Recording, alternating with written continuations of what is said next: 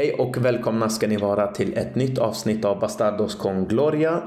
Och eh, vi skriver in avsnitt nummer 117. Det var ett tag sedan vi gjorde ett avsnitt. Jag har verkligen saknat det här. Så alla ni som har väntat, jag själv har väntat väldigt länge. Både jag och Bergarin har haft väldigt mycket att göra. Men som ni hör, jag är laddad, jag är taggad. Vi har såklart en hel del att eh, ta hand om och eh, prata om som vanligt. Eh, med mig som sagt, Bergar, läget med dig? Jo, men det är bra Miran. Härligt, Lite härligt. små förkyld och hostig och allt det där. Men jag är också taggad och Mm. har eh, verkligen saknat att sitta med dig och, och surra lite kring... Eh, för det är mycket som har hänt.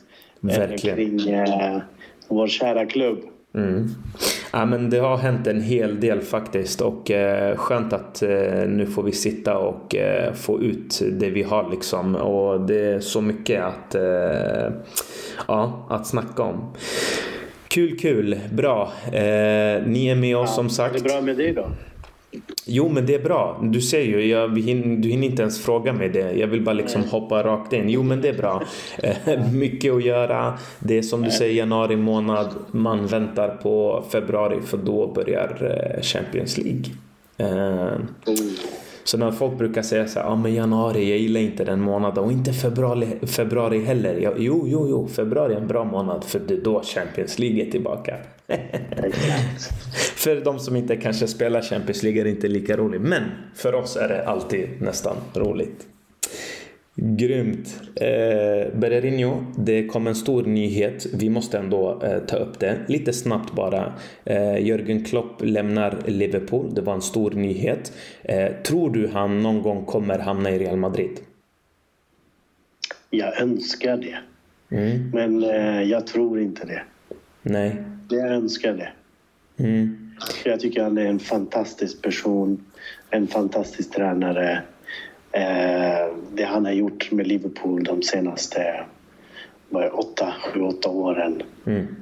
eh, har varit helt magiska. Och jag hoppas verkligen att de plockar alla titlar som Real Madrid inte kan plocka den här säsongen.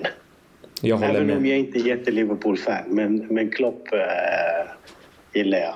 Samma här. Alltså jag älskar Jürgen Klopp. Jag tycker han är en fantastisk tränare. Att han har gått head to head mot ett dopat Manchester City, bara det är en bedrift i sig. Och jag, älskar också att han gör det på sitt sätt. Med fansen. Du vet, eh, Bergar, fotbollen den har tappat så mycket. eh, Speciellt, du vet det här eh, att connecta med fans. Det, det, det, försvinner liksom mer och mer men du vet han, han, gör det, han har gjort det på sitt sätt och det är det jag älskar. Precis som Diego Simeone, eh, precis som Zidane. De gör det på sitt sätt och de connectar med fansen. Eh, och det är alltid vackert när de gör det. Jag, jag tror som du, jag, jag, jag önskar och hoppas att han hamnar i Real Madrid någon gång men det som du säger, jag, jag ser också att det kan vara eh, några saker som står i vägen för det. Men eh, det återstår ju att se om Alonso går till Liverpool vilket det är, eh, ja, vilket är, alltså det är ju hur smart som helst Så från... san- sannolikt att det, att det händer. Ja, exakt. Eh, då ser jag faktiskt att det kan, det kan ju finnas en möjlighet. Alltså man ska aldrig säga nej. Det är Real Madrid. Real Madrid lockar till sig de bästa tränarna. Men eh, det är någonting med Klopp som kanske, ah, jag vet inte. Han gillar ju ändå att jobba på sitt sätt. Eh, men å andra sidan, han har en fantastisk grupp. Det här är ju inte likt eh, alltså det vi har sett kanske tidigare. Det här är en upplaga av Real Madrid som är helt annorlunda. Perez har en helt annan strategi. Eh, klubben är helt på en helt annan nivå. Det tycker jag att klubben inte får respekt för. Real Madrid borde få mycket mer respekt för vad de har gjort de här senaste åren i Europa. Man har inte spenderat sönder sig. Eh, det är ingen som kan kalla Real Madrid som man gjorde till exempel förr i tiden, köpeklubb, bla bla bla. Eh, man har liksom haft eh, väldigt fina värderingar, eh, gjort eh, smarta grejer när det kommer på transfermarknaden. Man har inte fått panik. Eh, man har liksom litat på spelare, behandlat dem väl. Så många gånger som man pratar om Real Madrid, ah, de behandlar inte sina legender bra, vilket är en myt såklart. Men nu man visar liksom hela repertoaren, man visar liksom hela grejen. Eh, och mm, jag vet inte. Kanske finns ja, det, en chans för det är, helt, det är helt sanslöst uh, hur Real Madrid har skötts de här senaste, alltså egentligen decennier. Mm. Efter, efter, efter Mourinho, eller under tiden Mourinho var där och, och, framåt. Men det har bara blivit till bättre och bättre. Och, eh, hur de klarade det ekonomiska under corona samtidigt som de renoverade Santiago Bernabéu. Ja. Och du var inne på så många unga spelare som har kommit till Real som ändå har blivit en världsstjärna. Jag tänker på Varan, jag tänker på Özil, Di Maria, Vinicius, Rodrigo, Casemiro, eh, Carvajal, en egen egen produkt som eh, slog ut. Alltså, nu har vi andra spelare än Bellingham som mm. plötsligt kommer och får ta plats i den här gruppen och liksom får växa i Real Madrid. Det där var inte lika möjligt eh, tidigare i och med att man hade en annan typ av eh, syn på det hela. Men nu, men nu, nu helt fantastiskt och jag tror tillbaks till Klopp. Skulle Real Madrid någonsin hamna i där Real Madrid var 2010 när Mourinho tog över Alltså att vara en underdog jämfört med till exempel vad Barca var det året eller de åren. Klart ledande i ligan och ute i Europa medan Real hade åkt ut i Champions League i flera år. Där är en, där är en, liksom en kropp projekt. Eh, han gjorde det med Dortmund, han gjorde det med Liverpool. I Dortmund var det mot Bayern, i Liverpool med, mm. mot dopad City som du säger. Jag tror inte att han hamnar i dagens Real Madrid som är nummer uno i Spanien och bland de bästa i Europa just nu. Eh, men skulle Real Madrid ha en svacka där de har några år eh, och hamna lite efter. Det skulle vara ett Klopp-projekt där han kommer in och får några år på sig och verkligen eh, växlar upp och får upp Real Madrid tillbaks till toppen. Ja, men det var verkligen eh, en, en eh, ja, väldigt klokt sagt. Du, ja, du la det perfekt. Alltså, det är exakt som du säger. Det, känns som det. För att, um, Nej, men det är exakt de, så. Det är den, ja, det är den mm. karaktären mm. han har. Ja. Eh, li, alltså, väldigt mycket likt Mourinho. Alltså, jag tänker eh, där man eh, tar sig an Porto och sen tar man Inter. Eh, och sen kommer man till Real Madrid. Real Madrid är världens största lag. Men just när han tog över var det inte alls på den nivån. Det var ett Real Madrid som åkte ut mot Roma, mot eh, typ Lyon. olika lag mm. i, i Lyon och så vidare i, i, i liksom... Ah, man tog knappt ja. förbi 16-delsmatcherna.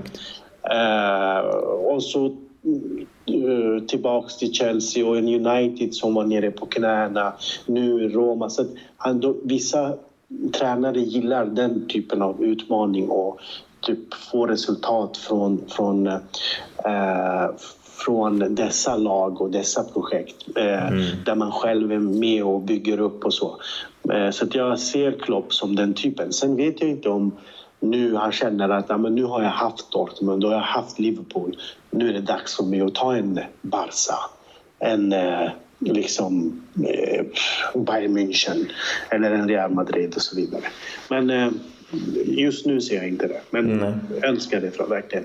Mm, samma här. Som sagt, all respekt till honom och eh, vi får hoppas att han eh, väljer ett intressant projekt framöver och ingenting eh, som stör Real Madrid. ja, vi får se. Det ska bli intressant. Yes, Klopp, precis. Eh, viktigt att ta upp ändå. Eh, några som säkert undrar vad vi eh, tycker om det. Det var ett tag sedan vi pratade Bererinho som sagt så det finns ganska mycket att eh, ta upp. Eh, en sak som vi ska ta upp är såklart eh, att Real Madrid vann Supercopan. Man gör det också mot eh, Barcelona vilket är väldigt skönt. Eh, där och då var man ju liksom väldigt glad. Eh, vad betyder Supercopan för Real Madrid tror du? Och för dig, vad betyder liksom den här titeln? Alltså egentligen när man ställs mot Atletico Madrid i en semifinal och sen Barca i en final mm. så blir det helt plötsligt något stort. Alltså, det är de tre bästa och största lagen i, i Spanien. Mm. Eh, och slår du Atletico först med fem bollar och så slår du Barca med fyra i finalen. Det, det gjorde att det helt plötsligt betydde någonting.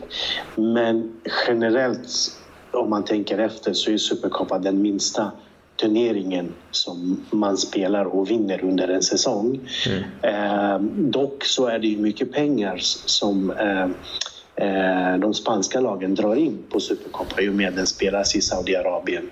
Mm. Eh, och ska man åka hela vägen till Saudi i januari och komma hem tomhänt eh, det hade varit lite pinsamt tycker jag. Men eh, nu, nu, nu, nu vann man den och, och jag tycker att eh, eh, i och med att det var dessa två lag som jag nämnde det ger ju en boost för resten av eh, säsongen också.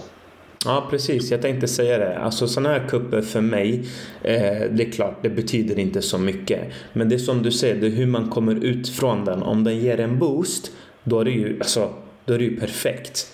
Det är, då, det är så man vill det ska vara. Men om den inte ger en boost, då blir man ju bara irriterad och då börjar det där snacket om att varför ens riska med att satsa allting på en superkoppa i Saudi? Varför startade inte bara Ancelotti med eh, de som är på bänken och varför roterade han inte mer och så vidare. Men vi kan ju inte se sånt där. Vi vet ju inte i bakgrunden eh, hur det ser ut. Alltså Ancelotti kanske tänker i sin hjärna om inte jag håller grabbarna in shape, i form, så kommer det släppa senare och då kommer vi liksom sänka vår gard. Utan nu håller vi garden hela tiden och vi lämnar den med en titel. Men det är precis som du säger, jag håller 100% med.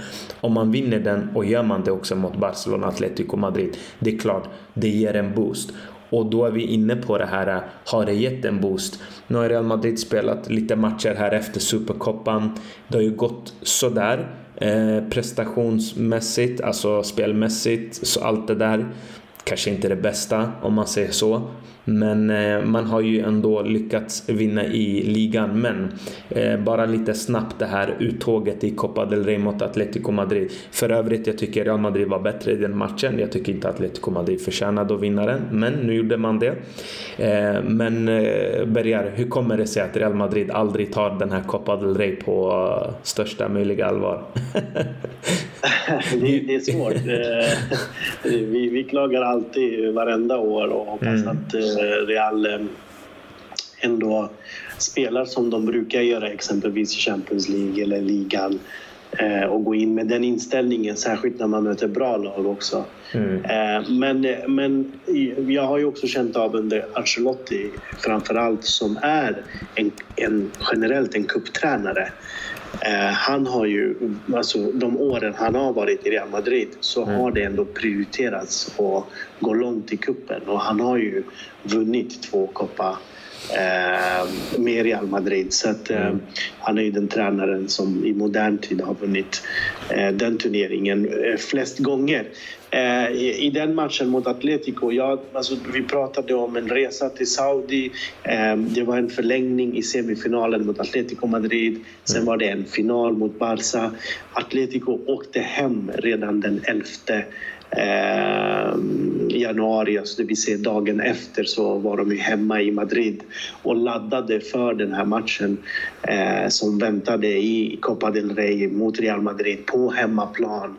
Eh, och Real stannade ju kvar, spelade finalen, vann den och en resa hem. Så de hade inte så mycket tid att förbereda men ändå så tycker jag att Real trots allt eh, är där och slåss och verkligen blöder och kämpar och sliter och ger sitt yttersta för att ändå nå ett resultat där man ligger under två gånger, man hämtar upp det. I förlängningen kunde eventuellt ett 3-3 mål ha eh, liksom skrivits upp eh, Mm. men eh, dömdes bort. Så att, eh, ja, nej, det är godkänt att åka ut på så sätt Eh, eh, även om det låter fel och det är Real Madrid och de ska vinna varenda match, eh, än att Real som i tidigare år möta någon Alcorcon eller någon division 3-lag i första omgången får smisk och åka ut. Mm. Eh, det, det har ju varit liksom hjärtskärande eller vad ska man säga, man vill hänga sig efter eh, dessa matcher. Så att, ja, Eh, och så hade vi ett år med, med Zidane där Danilo gjorde två självmål mot Celta Vigo tror jag. Mm. Eh, och åkte ut. Så att, generellt så godkänd insats även om Copa del Rey eh, kom, alltså spelschemat kan jag säga kostade Real Madrid Copa del Rey avancemanget den här, det här året. Det tror jag också. Mm. Det var det jag skulle komma in på. Jag tror att spelarna var trötta. Man orkade inte liksom de där tio sekunderna som är så viktiga. Man blev eh, utmattade av att vara i, i, i Saudi och så kommer man liksom ja. och ska spela en match i Copa del Rey. Och eh, Atletico kände också lite revanschlust liksom. Det är deras hemmaplan. Det är klart ja, att de vill, de vill ju visa ja. liksom framför sina fans. Och, um, mm och typisk trötthet för att jag menar bägge målen som eh, egentligen de tre första målen som Atletico gör i matchen. Mm. Man märker klart och tydligt någon brist, någon trötthet. Det är liksom det är någon eh, kommunikation som brister mellan Lunin och Rudiger. Det är någon typ av eh, hemåtpass som inte stämmer. Det är någon som inte jagar hela vägen för man orkar inte. Så man ser ju eh, på första, eh, det var den här eh, Samuel Lino som eh, gjorde 1-0 målet misskommunikation i, i försvarsspelet. Sen var det, dock gjorde ju de också ett självmål av Jan Oblak. Eh, men sen var det ju Morata-målet, det var också någon misskommunikation där bak. Så det där är ju så typiskt trötthet. Det händer inte ofta. Det är bara när man liksom eh, ja, är i den fasen. För det var ingen stor press på Real Madrid, någon hög press från Atletico Madrid. Även om jag tyckte de spelade väldigt bra faktiskt, Atletico, i den matchen. Eh, och, och, du var inne med att connecta med publiken. De hade liksom hela arenan var bakom dem kändes det som. Mm. Ja men det är ju så. Eh, och eh, sen ska vi ju veta också att Ancelotti, eh, ja han är inte den vassaste när det kommer till att rotera eller till att bedöma när spelare ska starta och inte starta och när han vill liksom förändra lite och då kanske inte det faller alltid så väl ut och det känns konstigt att säga så att en amatör från Sverige och sitter och bedömer en person som har vunnit vunnit allt och alla men han själv erkände det i intervjun efteråt eh, när det kommer till La Liga och att han borde ha liksom eh, ja, roterat bättre så att han själv var ju inne på det och jag tror jag skrev det till dig privat också var märkligt liksom att han eh, ja. eh, säger det liksom i intervjun. Ja, ja men precis. Det, man förväntade sig efter dessa två supercupmatcher och resandet att Real ändå skulle gå in och starta med de här tre spanjorerna exempelvis med Brahim, José och Ceballos. Eh, han, eh, Chouameni som ändå har varit så viktig. Eh, även han där eh, bänkades i den matchen och inte kunde ge någon bra avtryck när han hoppade in. Så att, eh, det, det, var, det var väldigt märkligt måste jag säga. Och han själv erkände det och även eh, mot Almeria blev det i princip samma misstag igen. Eh, om vi kommer in på den matchen snart. Så att, eh, eh det känns som om Ancelotti behövde någon typ av wake-up call. Bli inte för bekväm, sväva inte på moln, kom ner lite. Och Atletico-matchen, den, den, den kom rätt. Eh, och, och, ja, och man såg nu i helgen att eh, han roterade vissa spelare, framförallt mittfältet och så. Mm. Eh, men en sak jag önskar exempelvis det är att, eh, att och jag har, vi har pratat om det tidigare också, att han har lite bättre framförhållning. För ex, exempelvis, vi visste ju i finalen att eh, eh i finalen mot Barca att Atletico väntar, det är nästa match, det är om tre dagar. Mm. Eh, och du har spelare som Chouameni som i den matchen var ett djur. Han var verkligen fantastisk. Kanske den bästa matchen jag har sett Chouameni eh, i Real Madrid-tröjan. Mm. Men Real ledde med 4-1 efter 64-65 minuter. Mm. Och du har en sån viktig pjäs där du vet att mot Atletico Madrid du kommer behöva din defensiva mittfältare. Du kommer behöva Chouameni. Men han plockade inte ut honom, utan han lät honom spela klart i 90 minuter. Samma sak med Dani Carvajal exempelvis, som är en spelare som man vill vila. Samma sak så, eh, ska vi se om jag minns rätt, eh, spelade, kom, kom, Kamavinga kom in va? Ja, det tror jag han gjorde i finalen. Just det. Ja, det gjorde han. Det, det gjorde han. Ja. Men, men, men jag minns att han bytte in liksom eh, Ceballos, Kamavinga, Kroos. Alla de här ganska sent. Alltså det, det var efter minut 80 eh, de gjorde sitt inhopp i Ja, han tog in Diaz 77, Modric 81, Kamavinga 82, Ceballos 86 och Joselu 86. Ja, exakt. Du, ja, det, du leder med 4-1. Jag vet att det är Barca, jag vet att det är en final. Eh, du- Araujo fick eh, rött kort. Kan det vara? 71. Eh, 70, 70, 71. Alltså redan där, Mm. de är en man mindre. Ja, men- Då gör jag mina byten. Jag vilar för att jag vet att det finns en Atletico-match.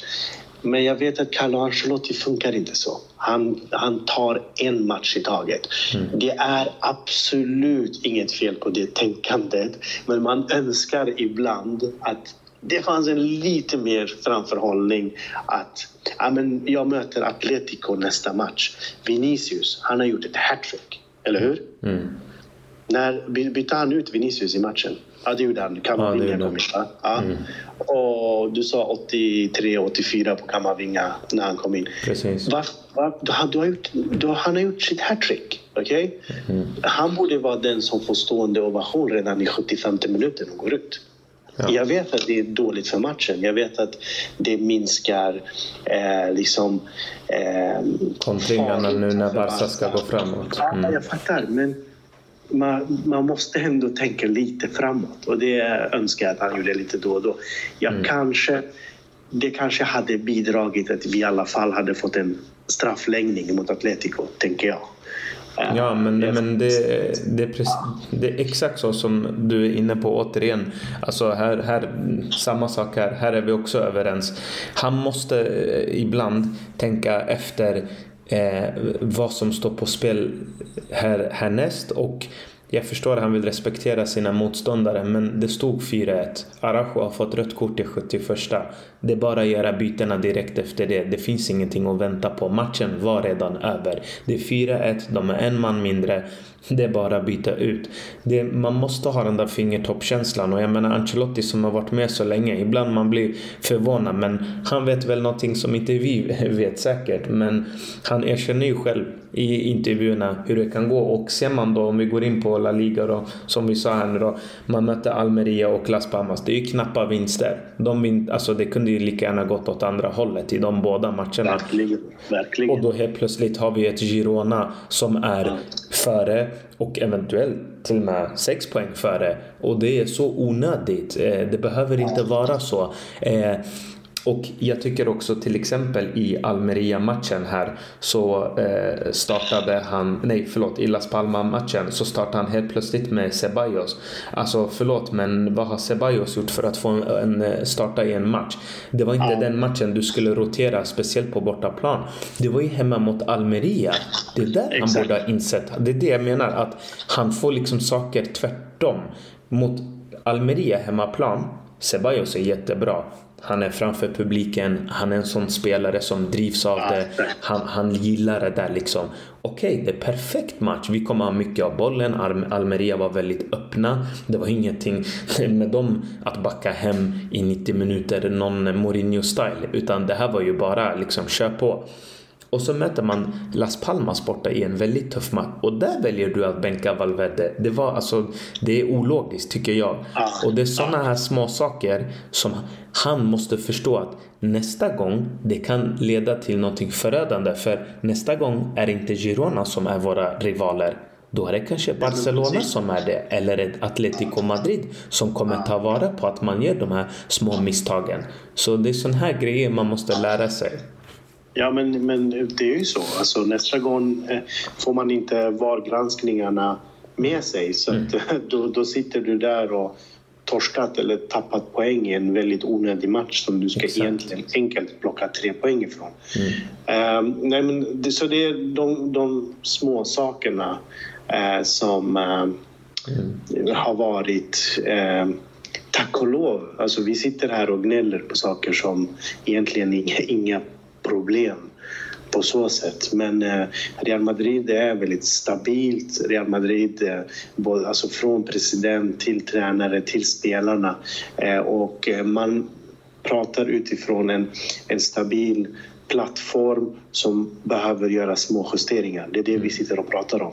Alltså det är vem ska spela, vem ska inte spela, vem vilar? Vi har inte andra problem som andra lag har. Eh, så det är ju väldigt skönt på så sätt att kunna sitta i, ja, i början av februari nu och, och säga att eh, ja, men vi sitter ganska lugna i båten här. Mm. Nej men verkligen, det, så är det också. Eh, man ska vara en realist. Alltså, nu vann Real Madrid matcherna, Real Madrid leder La Liga. Eller ja, de har en match mindre spelade, Girona som leder ligan. Men ja, som sagt, vinner Real Madrid den hängande matchen så är man ju etta och eh, man fortsätter liksom att eh, spela vidare. Men återigen, det är sådana små saker. Om Ancelotti är kvar till nästa säsong, man får ju hoppas då att han fattar liksom hur viktigt det är att få igång allihopa. Nu tack och lov, den här säsongen har det ju varit mycket bättre på den fronten. Men det kan bli liksom ännu eh, bättre. Men som sagt, det ser bra ut i, ut i La Liga och det ska bli jätteintressant att se hur långt det här Girona orkar. Eh, de har haft en fantastisk säsong och eh, de bara fortsätter att vinna och Real Madrid är ju det enda laget som har slagit Girona och man möter snart Girona och eh, det ska bli så kul att se vad som händer. Hur länge tror du det här Girona orkar börja? När blir vi av med de här? jag tror inte man blir, vi kommer bli av med dem så snabbt. Mm. Jag tror de kommer att hänga på eh, säsongen ut. Mm. Eh, I och med att de inte har någon cupmatcher, de har inga Europamatcher. Eh, de kommer att spela en gång i veckan. Eh, de har knäckt koden. De spelar en fantastisk fotboll och Eh, de flesta av motståndarna respekterar dem nu i, i ligan. Eh, så att eh, jag tror inte man blir av med dem så fort. Men nu kommer de också hamna i en period där de har lite tuffa matcher. De kommer möta Real Sociedad, sen är det Real Madrid, sen är det Bilbao borta. Så det är några tuffa matcher för dem att ta sig an. De har ju Barca kvar, de har Atletico Madrid kvar. Så att, mm. ja vi får se. Men som sagt, i och med att de inte har några cupmatcher och verkligen kan ladda så äh, tror jag de kan hänga på. Ett bra tag. I alla fall, ja, om inte hela vägen. Eh, att det blir någon... För att, vi pratar ju om att de kommer att tappa poäng men det kommer ju Real Madrid göra förr eller senare också. Eh, Real har också tuffa matcher kvar att spela och ska spela Champions League också. Så att, nej, jag, jag tror att de är utmanarna, verkligen. Det, det är ett lag som eh, som hänger på. Dock fick de ju storstryk, eh, eller i alla fall i första halvlek mot Mallorca i kuppen och det var överraskande. Ehm, så de åkte ju ut Copa del Rey också samtidigt. Precis. Ehm, mm. Så att, ehm, ja. Ja, men vi får se hur länge de är med. Det är som sagt intressant att de är där uppe och såklart en jättebedrift av dem trots att jag inte gillar den här klubben. Men eh, de är eh, mm, kul att de i alla fall är med och eh, bidrar till en eh, liga som i alla fall är intressant att följa eh, fortfarande. Att liksom det är inte över än i alla fall. Även om Real såklart är favoriter just nu. Ja, alltså det blir ju lite, vad ska jag säga? Det är ju skönt att det finns ett lag som verkligen pushar på och vinner och så vidare. Mm. Det hade varit tråkigt om Real nu hade en 10 poängs försprång eh, och hade Barca och Atletico bakom sig. Alltså på det avståndet. Jag tror att någonstans så tappar mm. de gnistan lite eller de kanske slarvar lite och sådär. Men nu är det ett lag där de vet att det här laget i La Liga kommer inte ge en millimeter till någon. Så att, eh, då är de på tårna hela tiden. Sen är det ju jävla starkt av Real Madrid. Alltså, det, det gör mig galen fortfarande att de behöver släppa in ett mål och helt plötsligt som bara okej, okay, nu lägger vi in eh, femte växeln. Eh, de börjar använda kanterna, de börjar attackera från, med olika alternativ.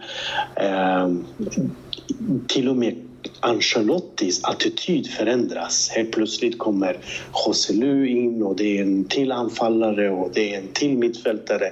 Så det är så här, wow, jag kan inte sluta överraskas. Och tänkte jag vara Girona och bara jagad av vad heter det, savannens konung, lejonet. Mm. Och när, du, när lejonet faller, du tänker ja, nu Las Palmas 1-0 hemma. De är väldigt starka. Jag skrev inför rapporten om Las Palmas och gick igenom och kollade deras resultat och så vidare. Jag tänkte wow, det här laget. De har ju li, nästan lika många eh, eller lika få insläppta mål som Real Madrid den här säsongen i ligan och väldigt starka hemma. Och gör de 1-0 så kommer Real få det riktigt jobbigt och inte kanske kunna vända det här. Man kan inte vända Almeria hemma och sen Las Palmas igen. Men lik förbannat så sitter vi där i 90 och tänker ja, de gjorde det igen. Mm. De, de hittade en lösning. Precis. Ja, det är sjukt. Det är sjukt att man gjorde det faktiskt. Det var så kul att se också att eh, när man först eh, liksom tänkte när man såg matchen, ah, okej okay, det här, hur ska det gå och sådär. Och så sitter man där igen och bara, ah, nej. Ah, och Las Palmas var sjukt duktiga som du säger. Man såg det hemmaplan. Eh, de spelade bollen på ett riktigt fint sätt. Jag tycker också det var ett roligt lag att titta på. Och eh, det var kul att se också för det kommer in på min nästa eh, grej här och det är ju eh, målskyttarna. Vinicius gjorde mål nu. Vi fick ju här en statistik som jag såg. Eh, flest mål den här säsongen för Real Madrid. Vi har en Bellingham på 18, en Rodrigo för 12, en Vinicius på 11, en Joselu på 10 och en Brahim Diaz på 6 mål. Det som sticker ut är såklart Jude Bellingham och Joselu. Joselu har gjort 10 mål på 1336 minuter och att Jude Bellingham i sin första säsong har gjort 18 mål. Det är helt sjukt för en mittfältare. Men min fråga till dig Berger är, finns det ett problem med att det ser ut så här på målskyttet? Eh, alltså, gör Rodrigo och Vinicius för lite mål, tycker du? Eh, jag tycker absolut att de eh, de, de borde ligga på 17-18 också. Mm. Eh, definitivt. Eh, mm. Sen vet jag att Vinicius har haft ganska många skador nu under hösten och varit eh, inte riktigt i form. Eh, så i ligan så har han ju inte samma goda facit som eh, han har om man tittar över hela säsongen med Supercup och andra matcher. Mm. Eh, så, att, eh, så där förstår jag. Men Rodrigo hade vi ju några månader på som vi verkligen väntade på att han skulle... Att det skulle lossna för honom och det gjorde det och han har ju börjat göra mål i stora matcher och i princip eh, de flesta matcherna där han gör poäng också. Och nu mot Las Palmas som vi var inne på, där saknades Bellingham och man tänkte så här, innan säsongen så tog inte Real Madrid in en nia istället för Benzema. Men de plockade in Bellingham och Bellingham har i princip gjort Benzema-siffror hittills eh, i, i, under den här säsongen. Och nu även han är inte med. Eh, och, och, du var inne på att Ceballos fick starta och så. Men ändå så kommer det en lösning. Alltså det, det finns någon som kliver fram. Eh, där var det Vinicius med ett fantastiskt mål och en bra fin av, eh, framspelning av Camavinga. Men det är en fast situation och Chouameni kommer fram. Nästa match är det Rudiger som gör den poängen. Mm. Matchen efter så är det Carvajal, eh, eller mot Almeria så var det Carvajal som eh, såg till att Real plockade hem alla poäng. Så att, eh, det här är Real Madrid och det har ju varit så eh, under en lång period, framförallt under Ancelottis första era och under Zidane likadant där helt plötsligt kom Ramos fram och sen var det Casemiro vissa matcher och någon match var det Modric och någon match var det Benzema. Så att målskyttet är fördelat liksom på hela laget. Eh, I och med att det alternativet finns, eller den förmågan finns i Real Madrid att de kan hitta lösningar för att kunna göra mål så behöver man inte vara orolig. Nej, exakt. Det är jättefint att se att eh, målen fördelas och jag är liksom, ja, man kan inte ens beskriva Bellinghams säsong hittills. Jag bara känner så här, om Real Madrid ska vinna Champions League så behöver man en, en, en till ja. spelare som kan göra mål och det, vi har ju pratat om eh, Kylian Mbappé, vi ska inte ta upp han nu.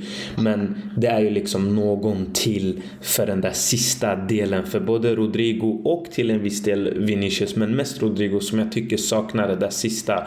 Den där att man är en killer, alltid framför mål. Vi vet, det här kommer bli mål. Det där saknas. Det är inte där riktigt än för Vinicius. Nej. Och det är inte där för Rodrigo heller. Och det kan bli ett problem i vissa alltså matcher. Eh, jag tänker på liksom när vi nu ska gå in i Champions League här ganska snart. Jag tror det kommer, kan bli liksom det som Real Madrid faller på. Man kan vinna på det är att man är Real Madrid. Vi vet att Real Madrid kan alltid vinna Champions League. Spelar ingen roll hur uträknade man är. Ett. Och nummer två som du säger, man är ett riktigt starkt kollektiv. Men det, om man tänker logiken, det logiska är att det som Real Madrid saknar, det är lite den där höjden. För Benzema, vi visste han hade det i sig. Och eh, innan det var det Cristiano, ja, det behöver vi inte ja, ens diskutera. Men nu, absolut, Bellingham har, har i sig, vi vet att Vinicius har ju, men de hade ändå en Benzema. Han var där liksom och ledde hela den här grejen, alla de här remontadas och alltid, ja, alltihopa. Ja. Så jag, jag, tycker Real Madrid saknar det där sista för att räknas ja, du vet, där uppe. Exakt, det var det Ancelotti som sa when Cristiano plays, we start with 1-0. Eh, ja, exakt. Både Zidane och Ancelotti Ja, det var någon mm. Champions League presskonferens. Att det alltid Real Madrid startar med 1-0. Mm. Och Real Madrid har inte den här spelaren som eh, ja, gör att Real Madrid startar med 1-0 helt enkelt. Den spelare som man sitter och tänker att aha, han har fortfarande inte gjort mål. Det kommer att komma när som helst. Mm. Utan nu blir det mer fördelat. Och Benzema tog ju på sig den rollen förra säsongen. Så att eh, när man mötte vissa lag eh, och matchen stod och hängde lite så tänkte man vänta nu, Benzema har inte gjort mål. Ja, men den kommer ju. Så man var säker på att han skulle kliva fram och det gjorde han alltid. Mm. Eh, så att eh, jag håller med. Det, det krävs den sista pusselbiten och nu var jag inne på den här stabila Real Madrid som vi pratat om nu senaste åren. Ja, det är liksom små justeringar. En, en, en nia som behöver hoppa in eller eller plockas in. Vi vet mm. ju Enrique, Enrique kommer i, i sommar också. Han, är en, han, han verkar ju vara en pärla. Eh, så att, eh, eh, och, och Mbappé-ryktena har satt fart igen. Så att, eh, eh det hade verkligen varit... Eh, Pricken är vit. Mm. Ja, ja.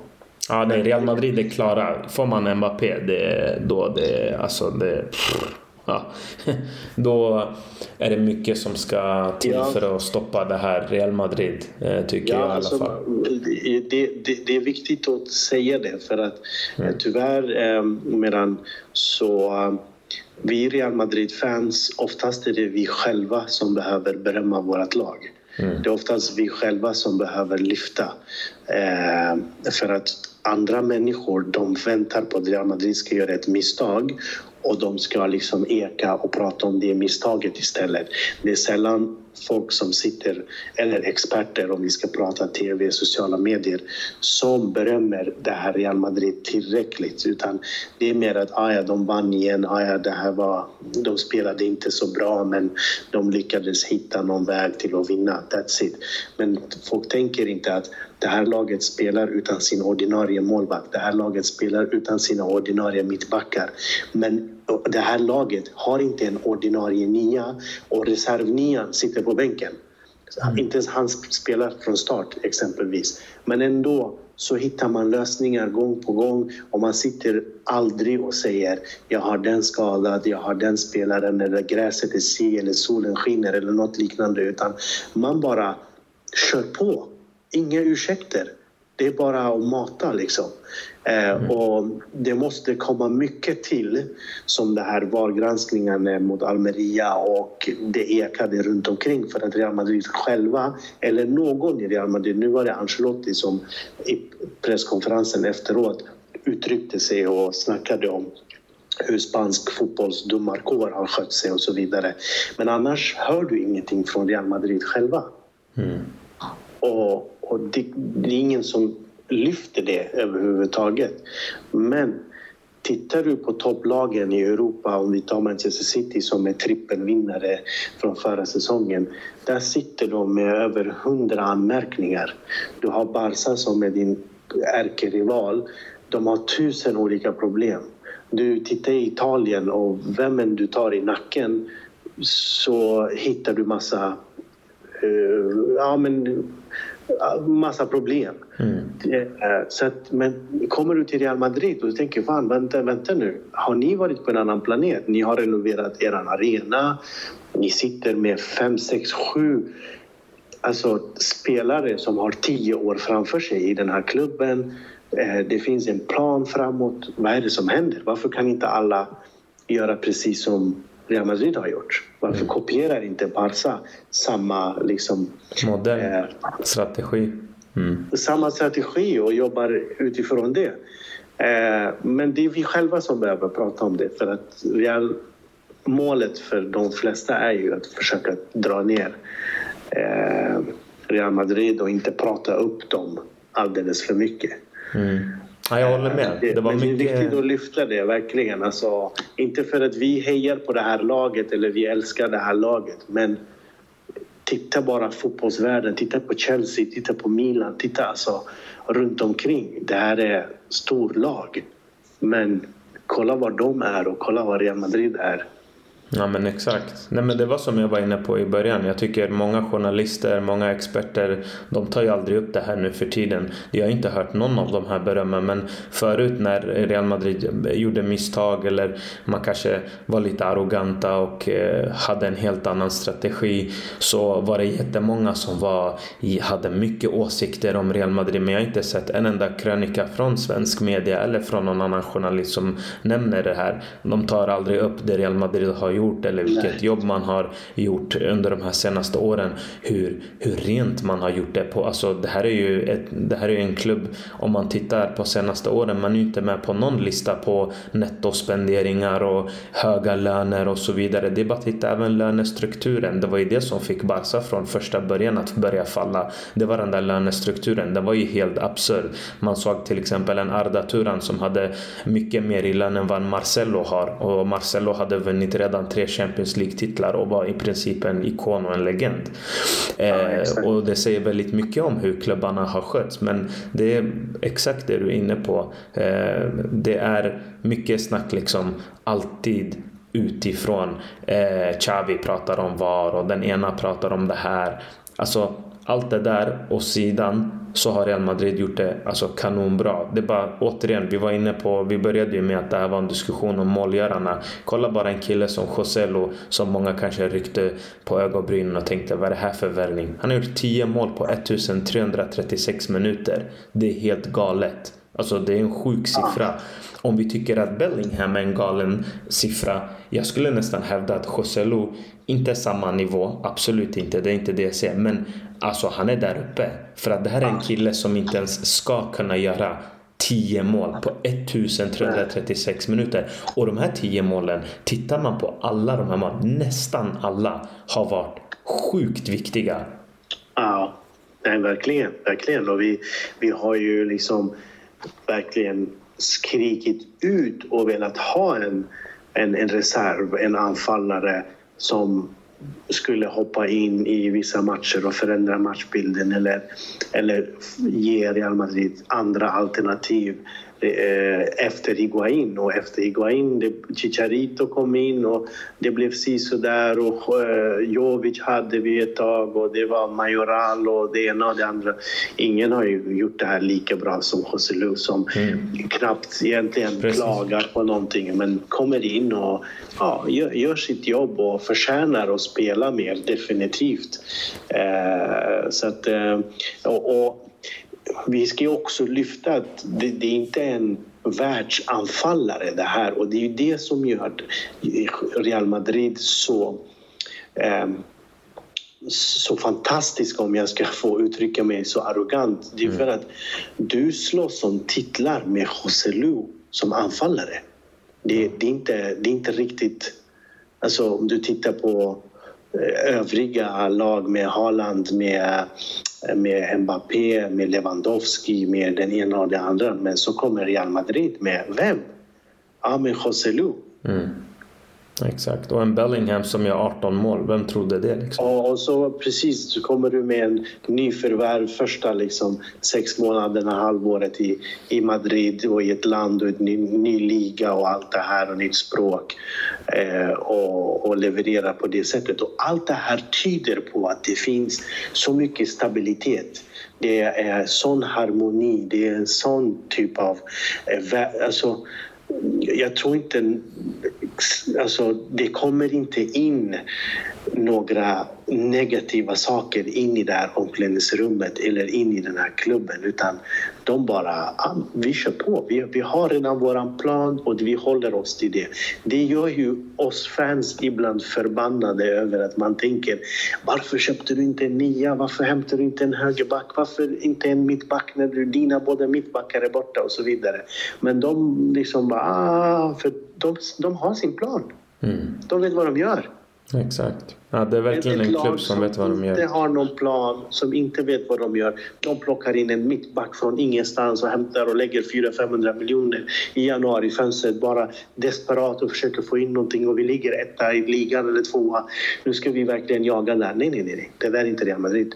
Mm. Och det, är, det, det är fantastiskt. Jag vet inte hur jag ska beskriva det. Ja, men det är sjukt för att eh, som du säger, det är ingen som räknar med de här sakerna som händer och det är bara Real Madrid faktiskt. Det, det är så Och det är därför det blir så mycket snack utifrån som inte Real Madrid bryr sig alls om såklart. Och det är skönt också att det är en klubb som också får in det här med sina värderingar och principer. Man står på sig eh, om, det man, om man behöver göra det. Eller så beter man sig väldigt moget och inte arrogant och inte pratar om vergüenza eller vad man nu håller på med med sådana barnfasoner. Utan man försöker ändå hålla sig tillbaka. Men om det behövs, det är klart man måste då försvara sig själv. Ja, man måste försvara sig för att ibland blir det för mycket. Mm. Ibland, eh, ibland låter det för mycket och ibland kommer det ut för mycket som är falskt. Så de måste verkligen markera, hej, lyssna nu, glöm inte bort vilka vi är och, så vidare.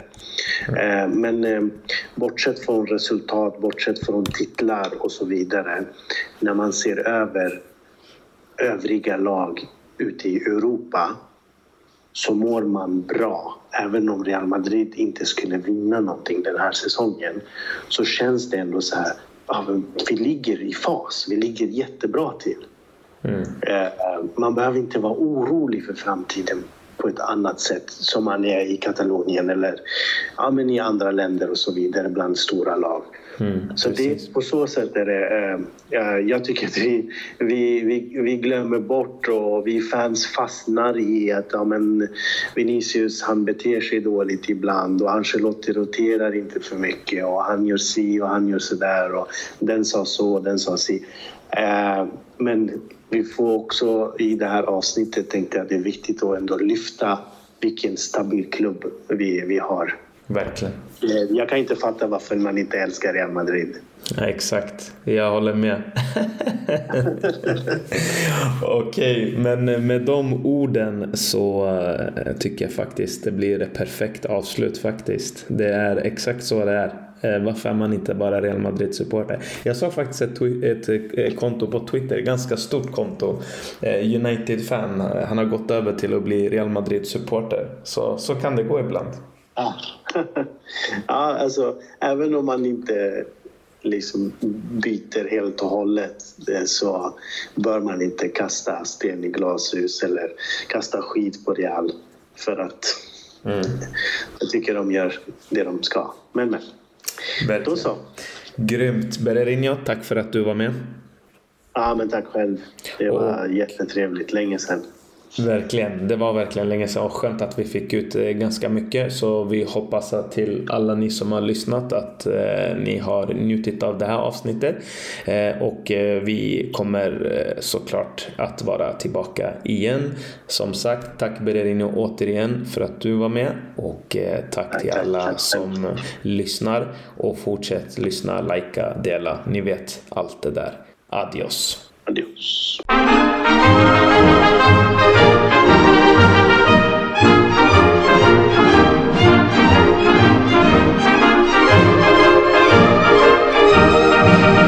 De las glorias deportivas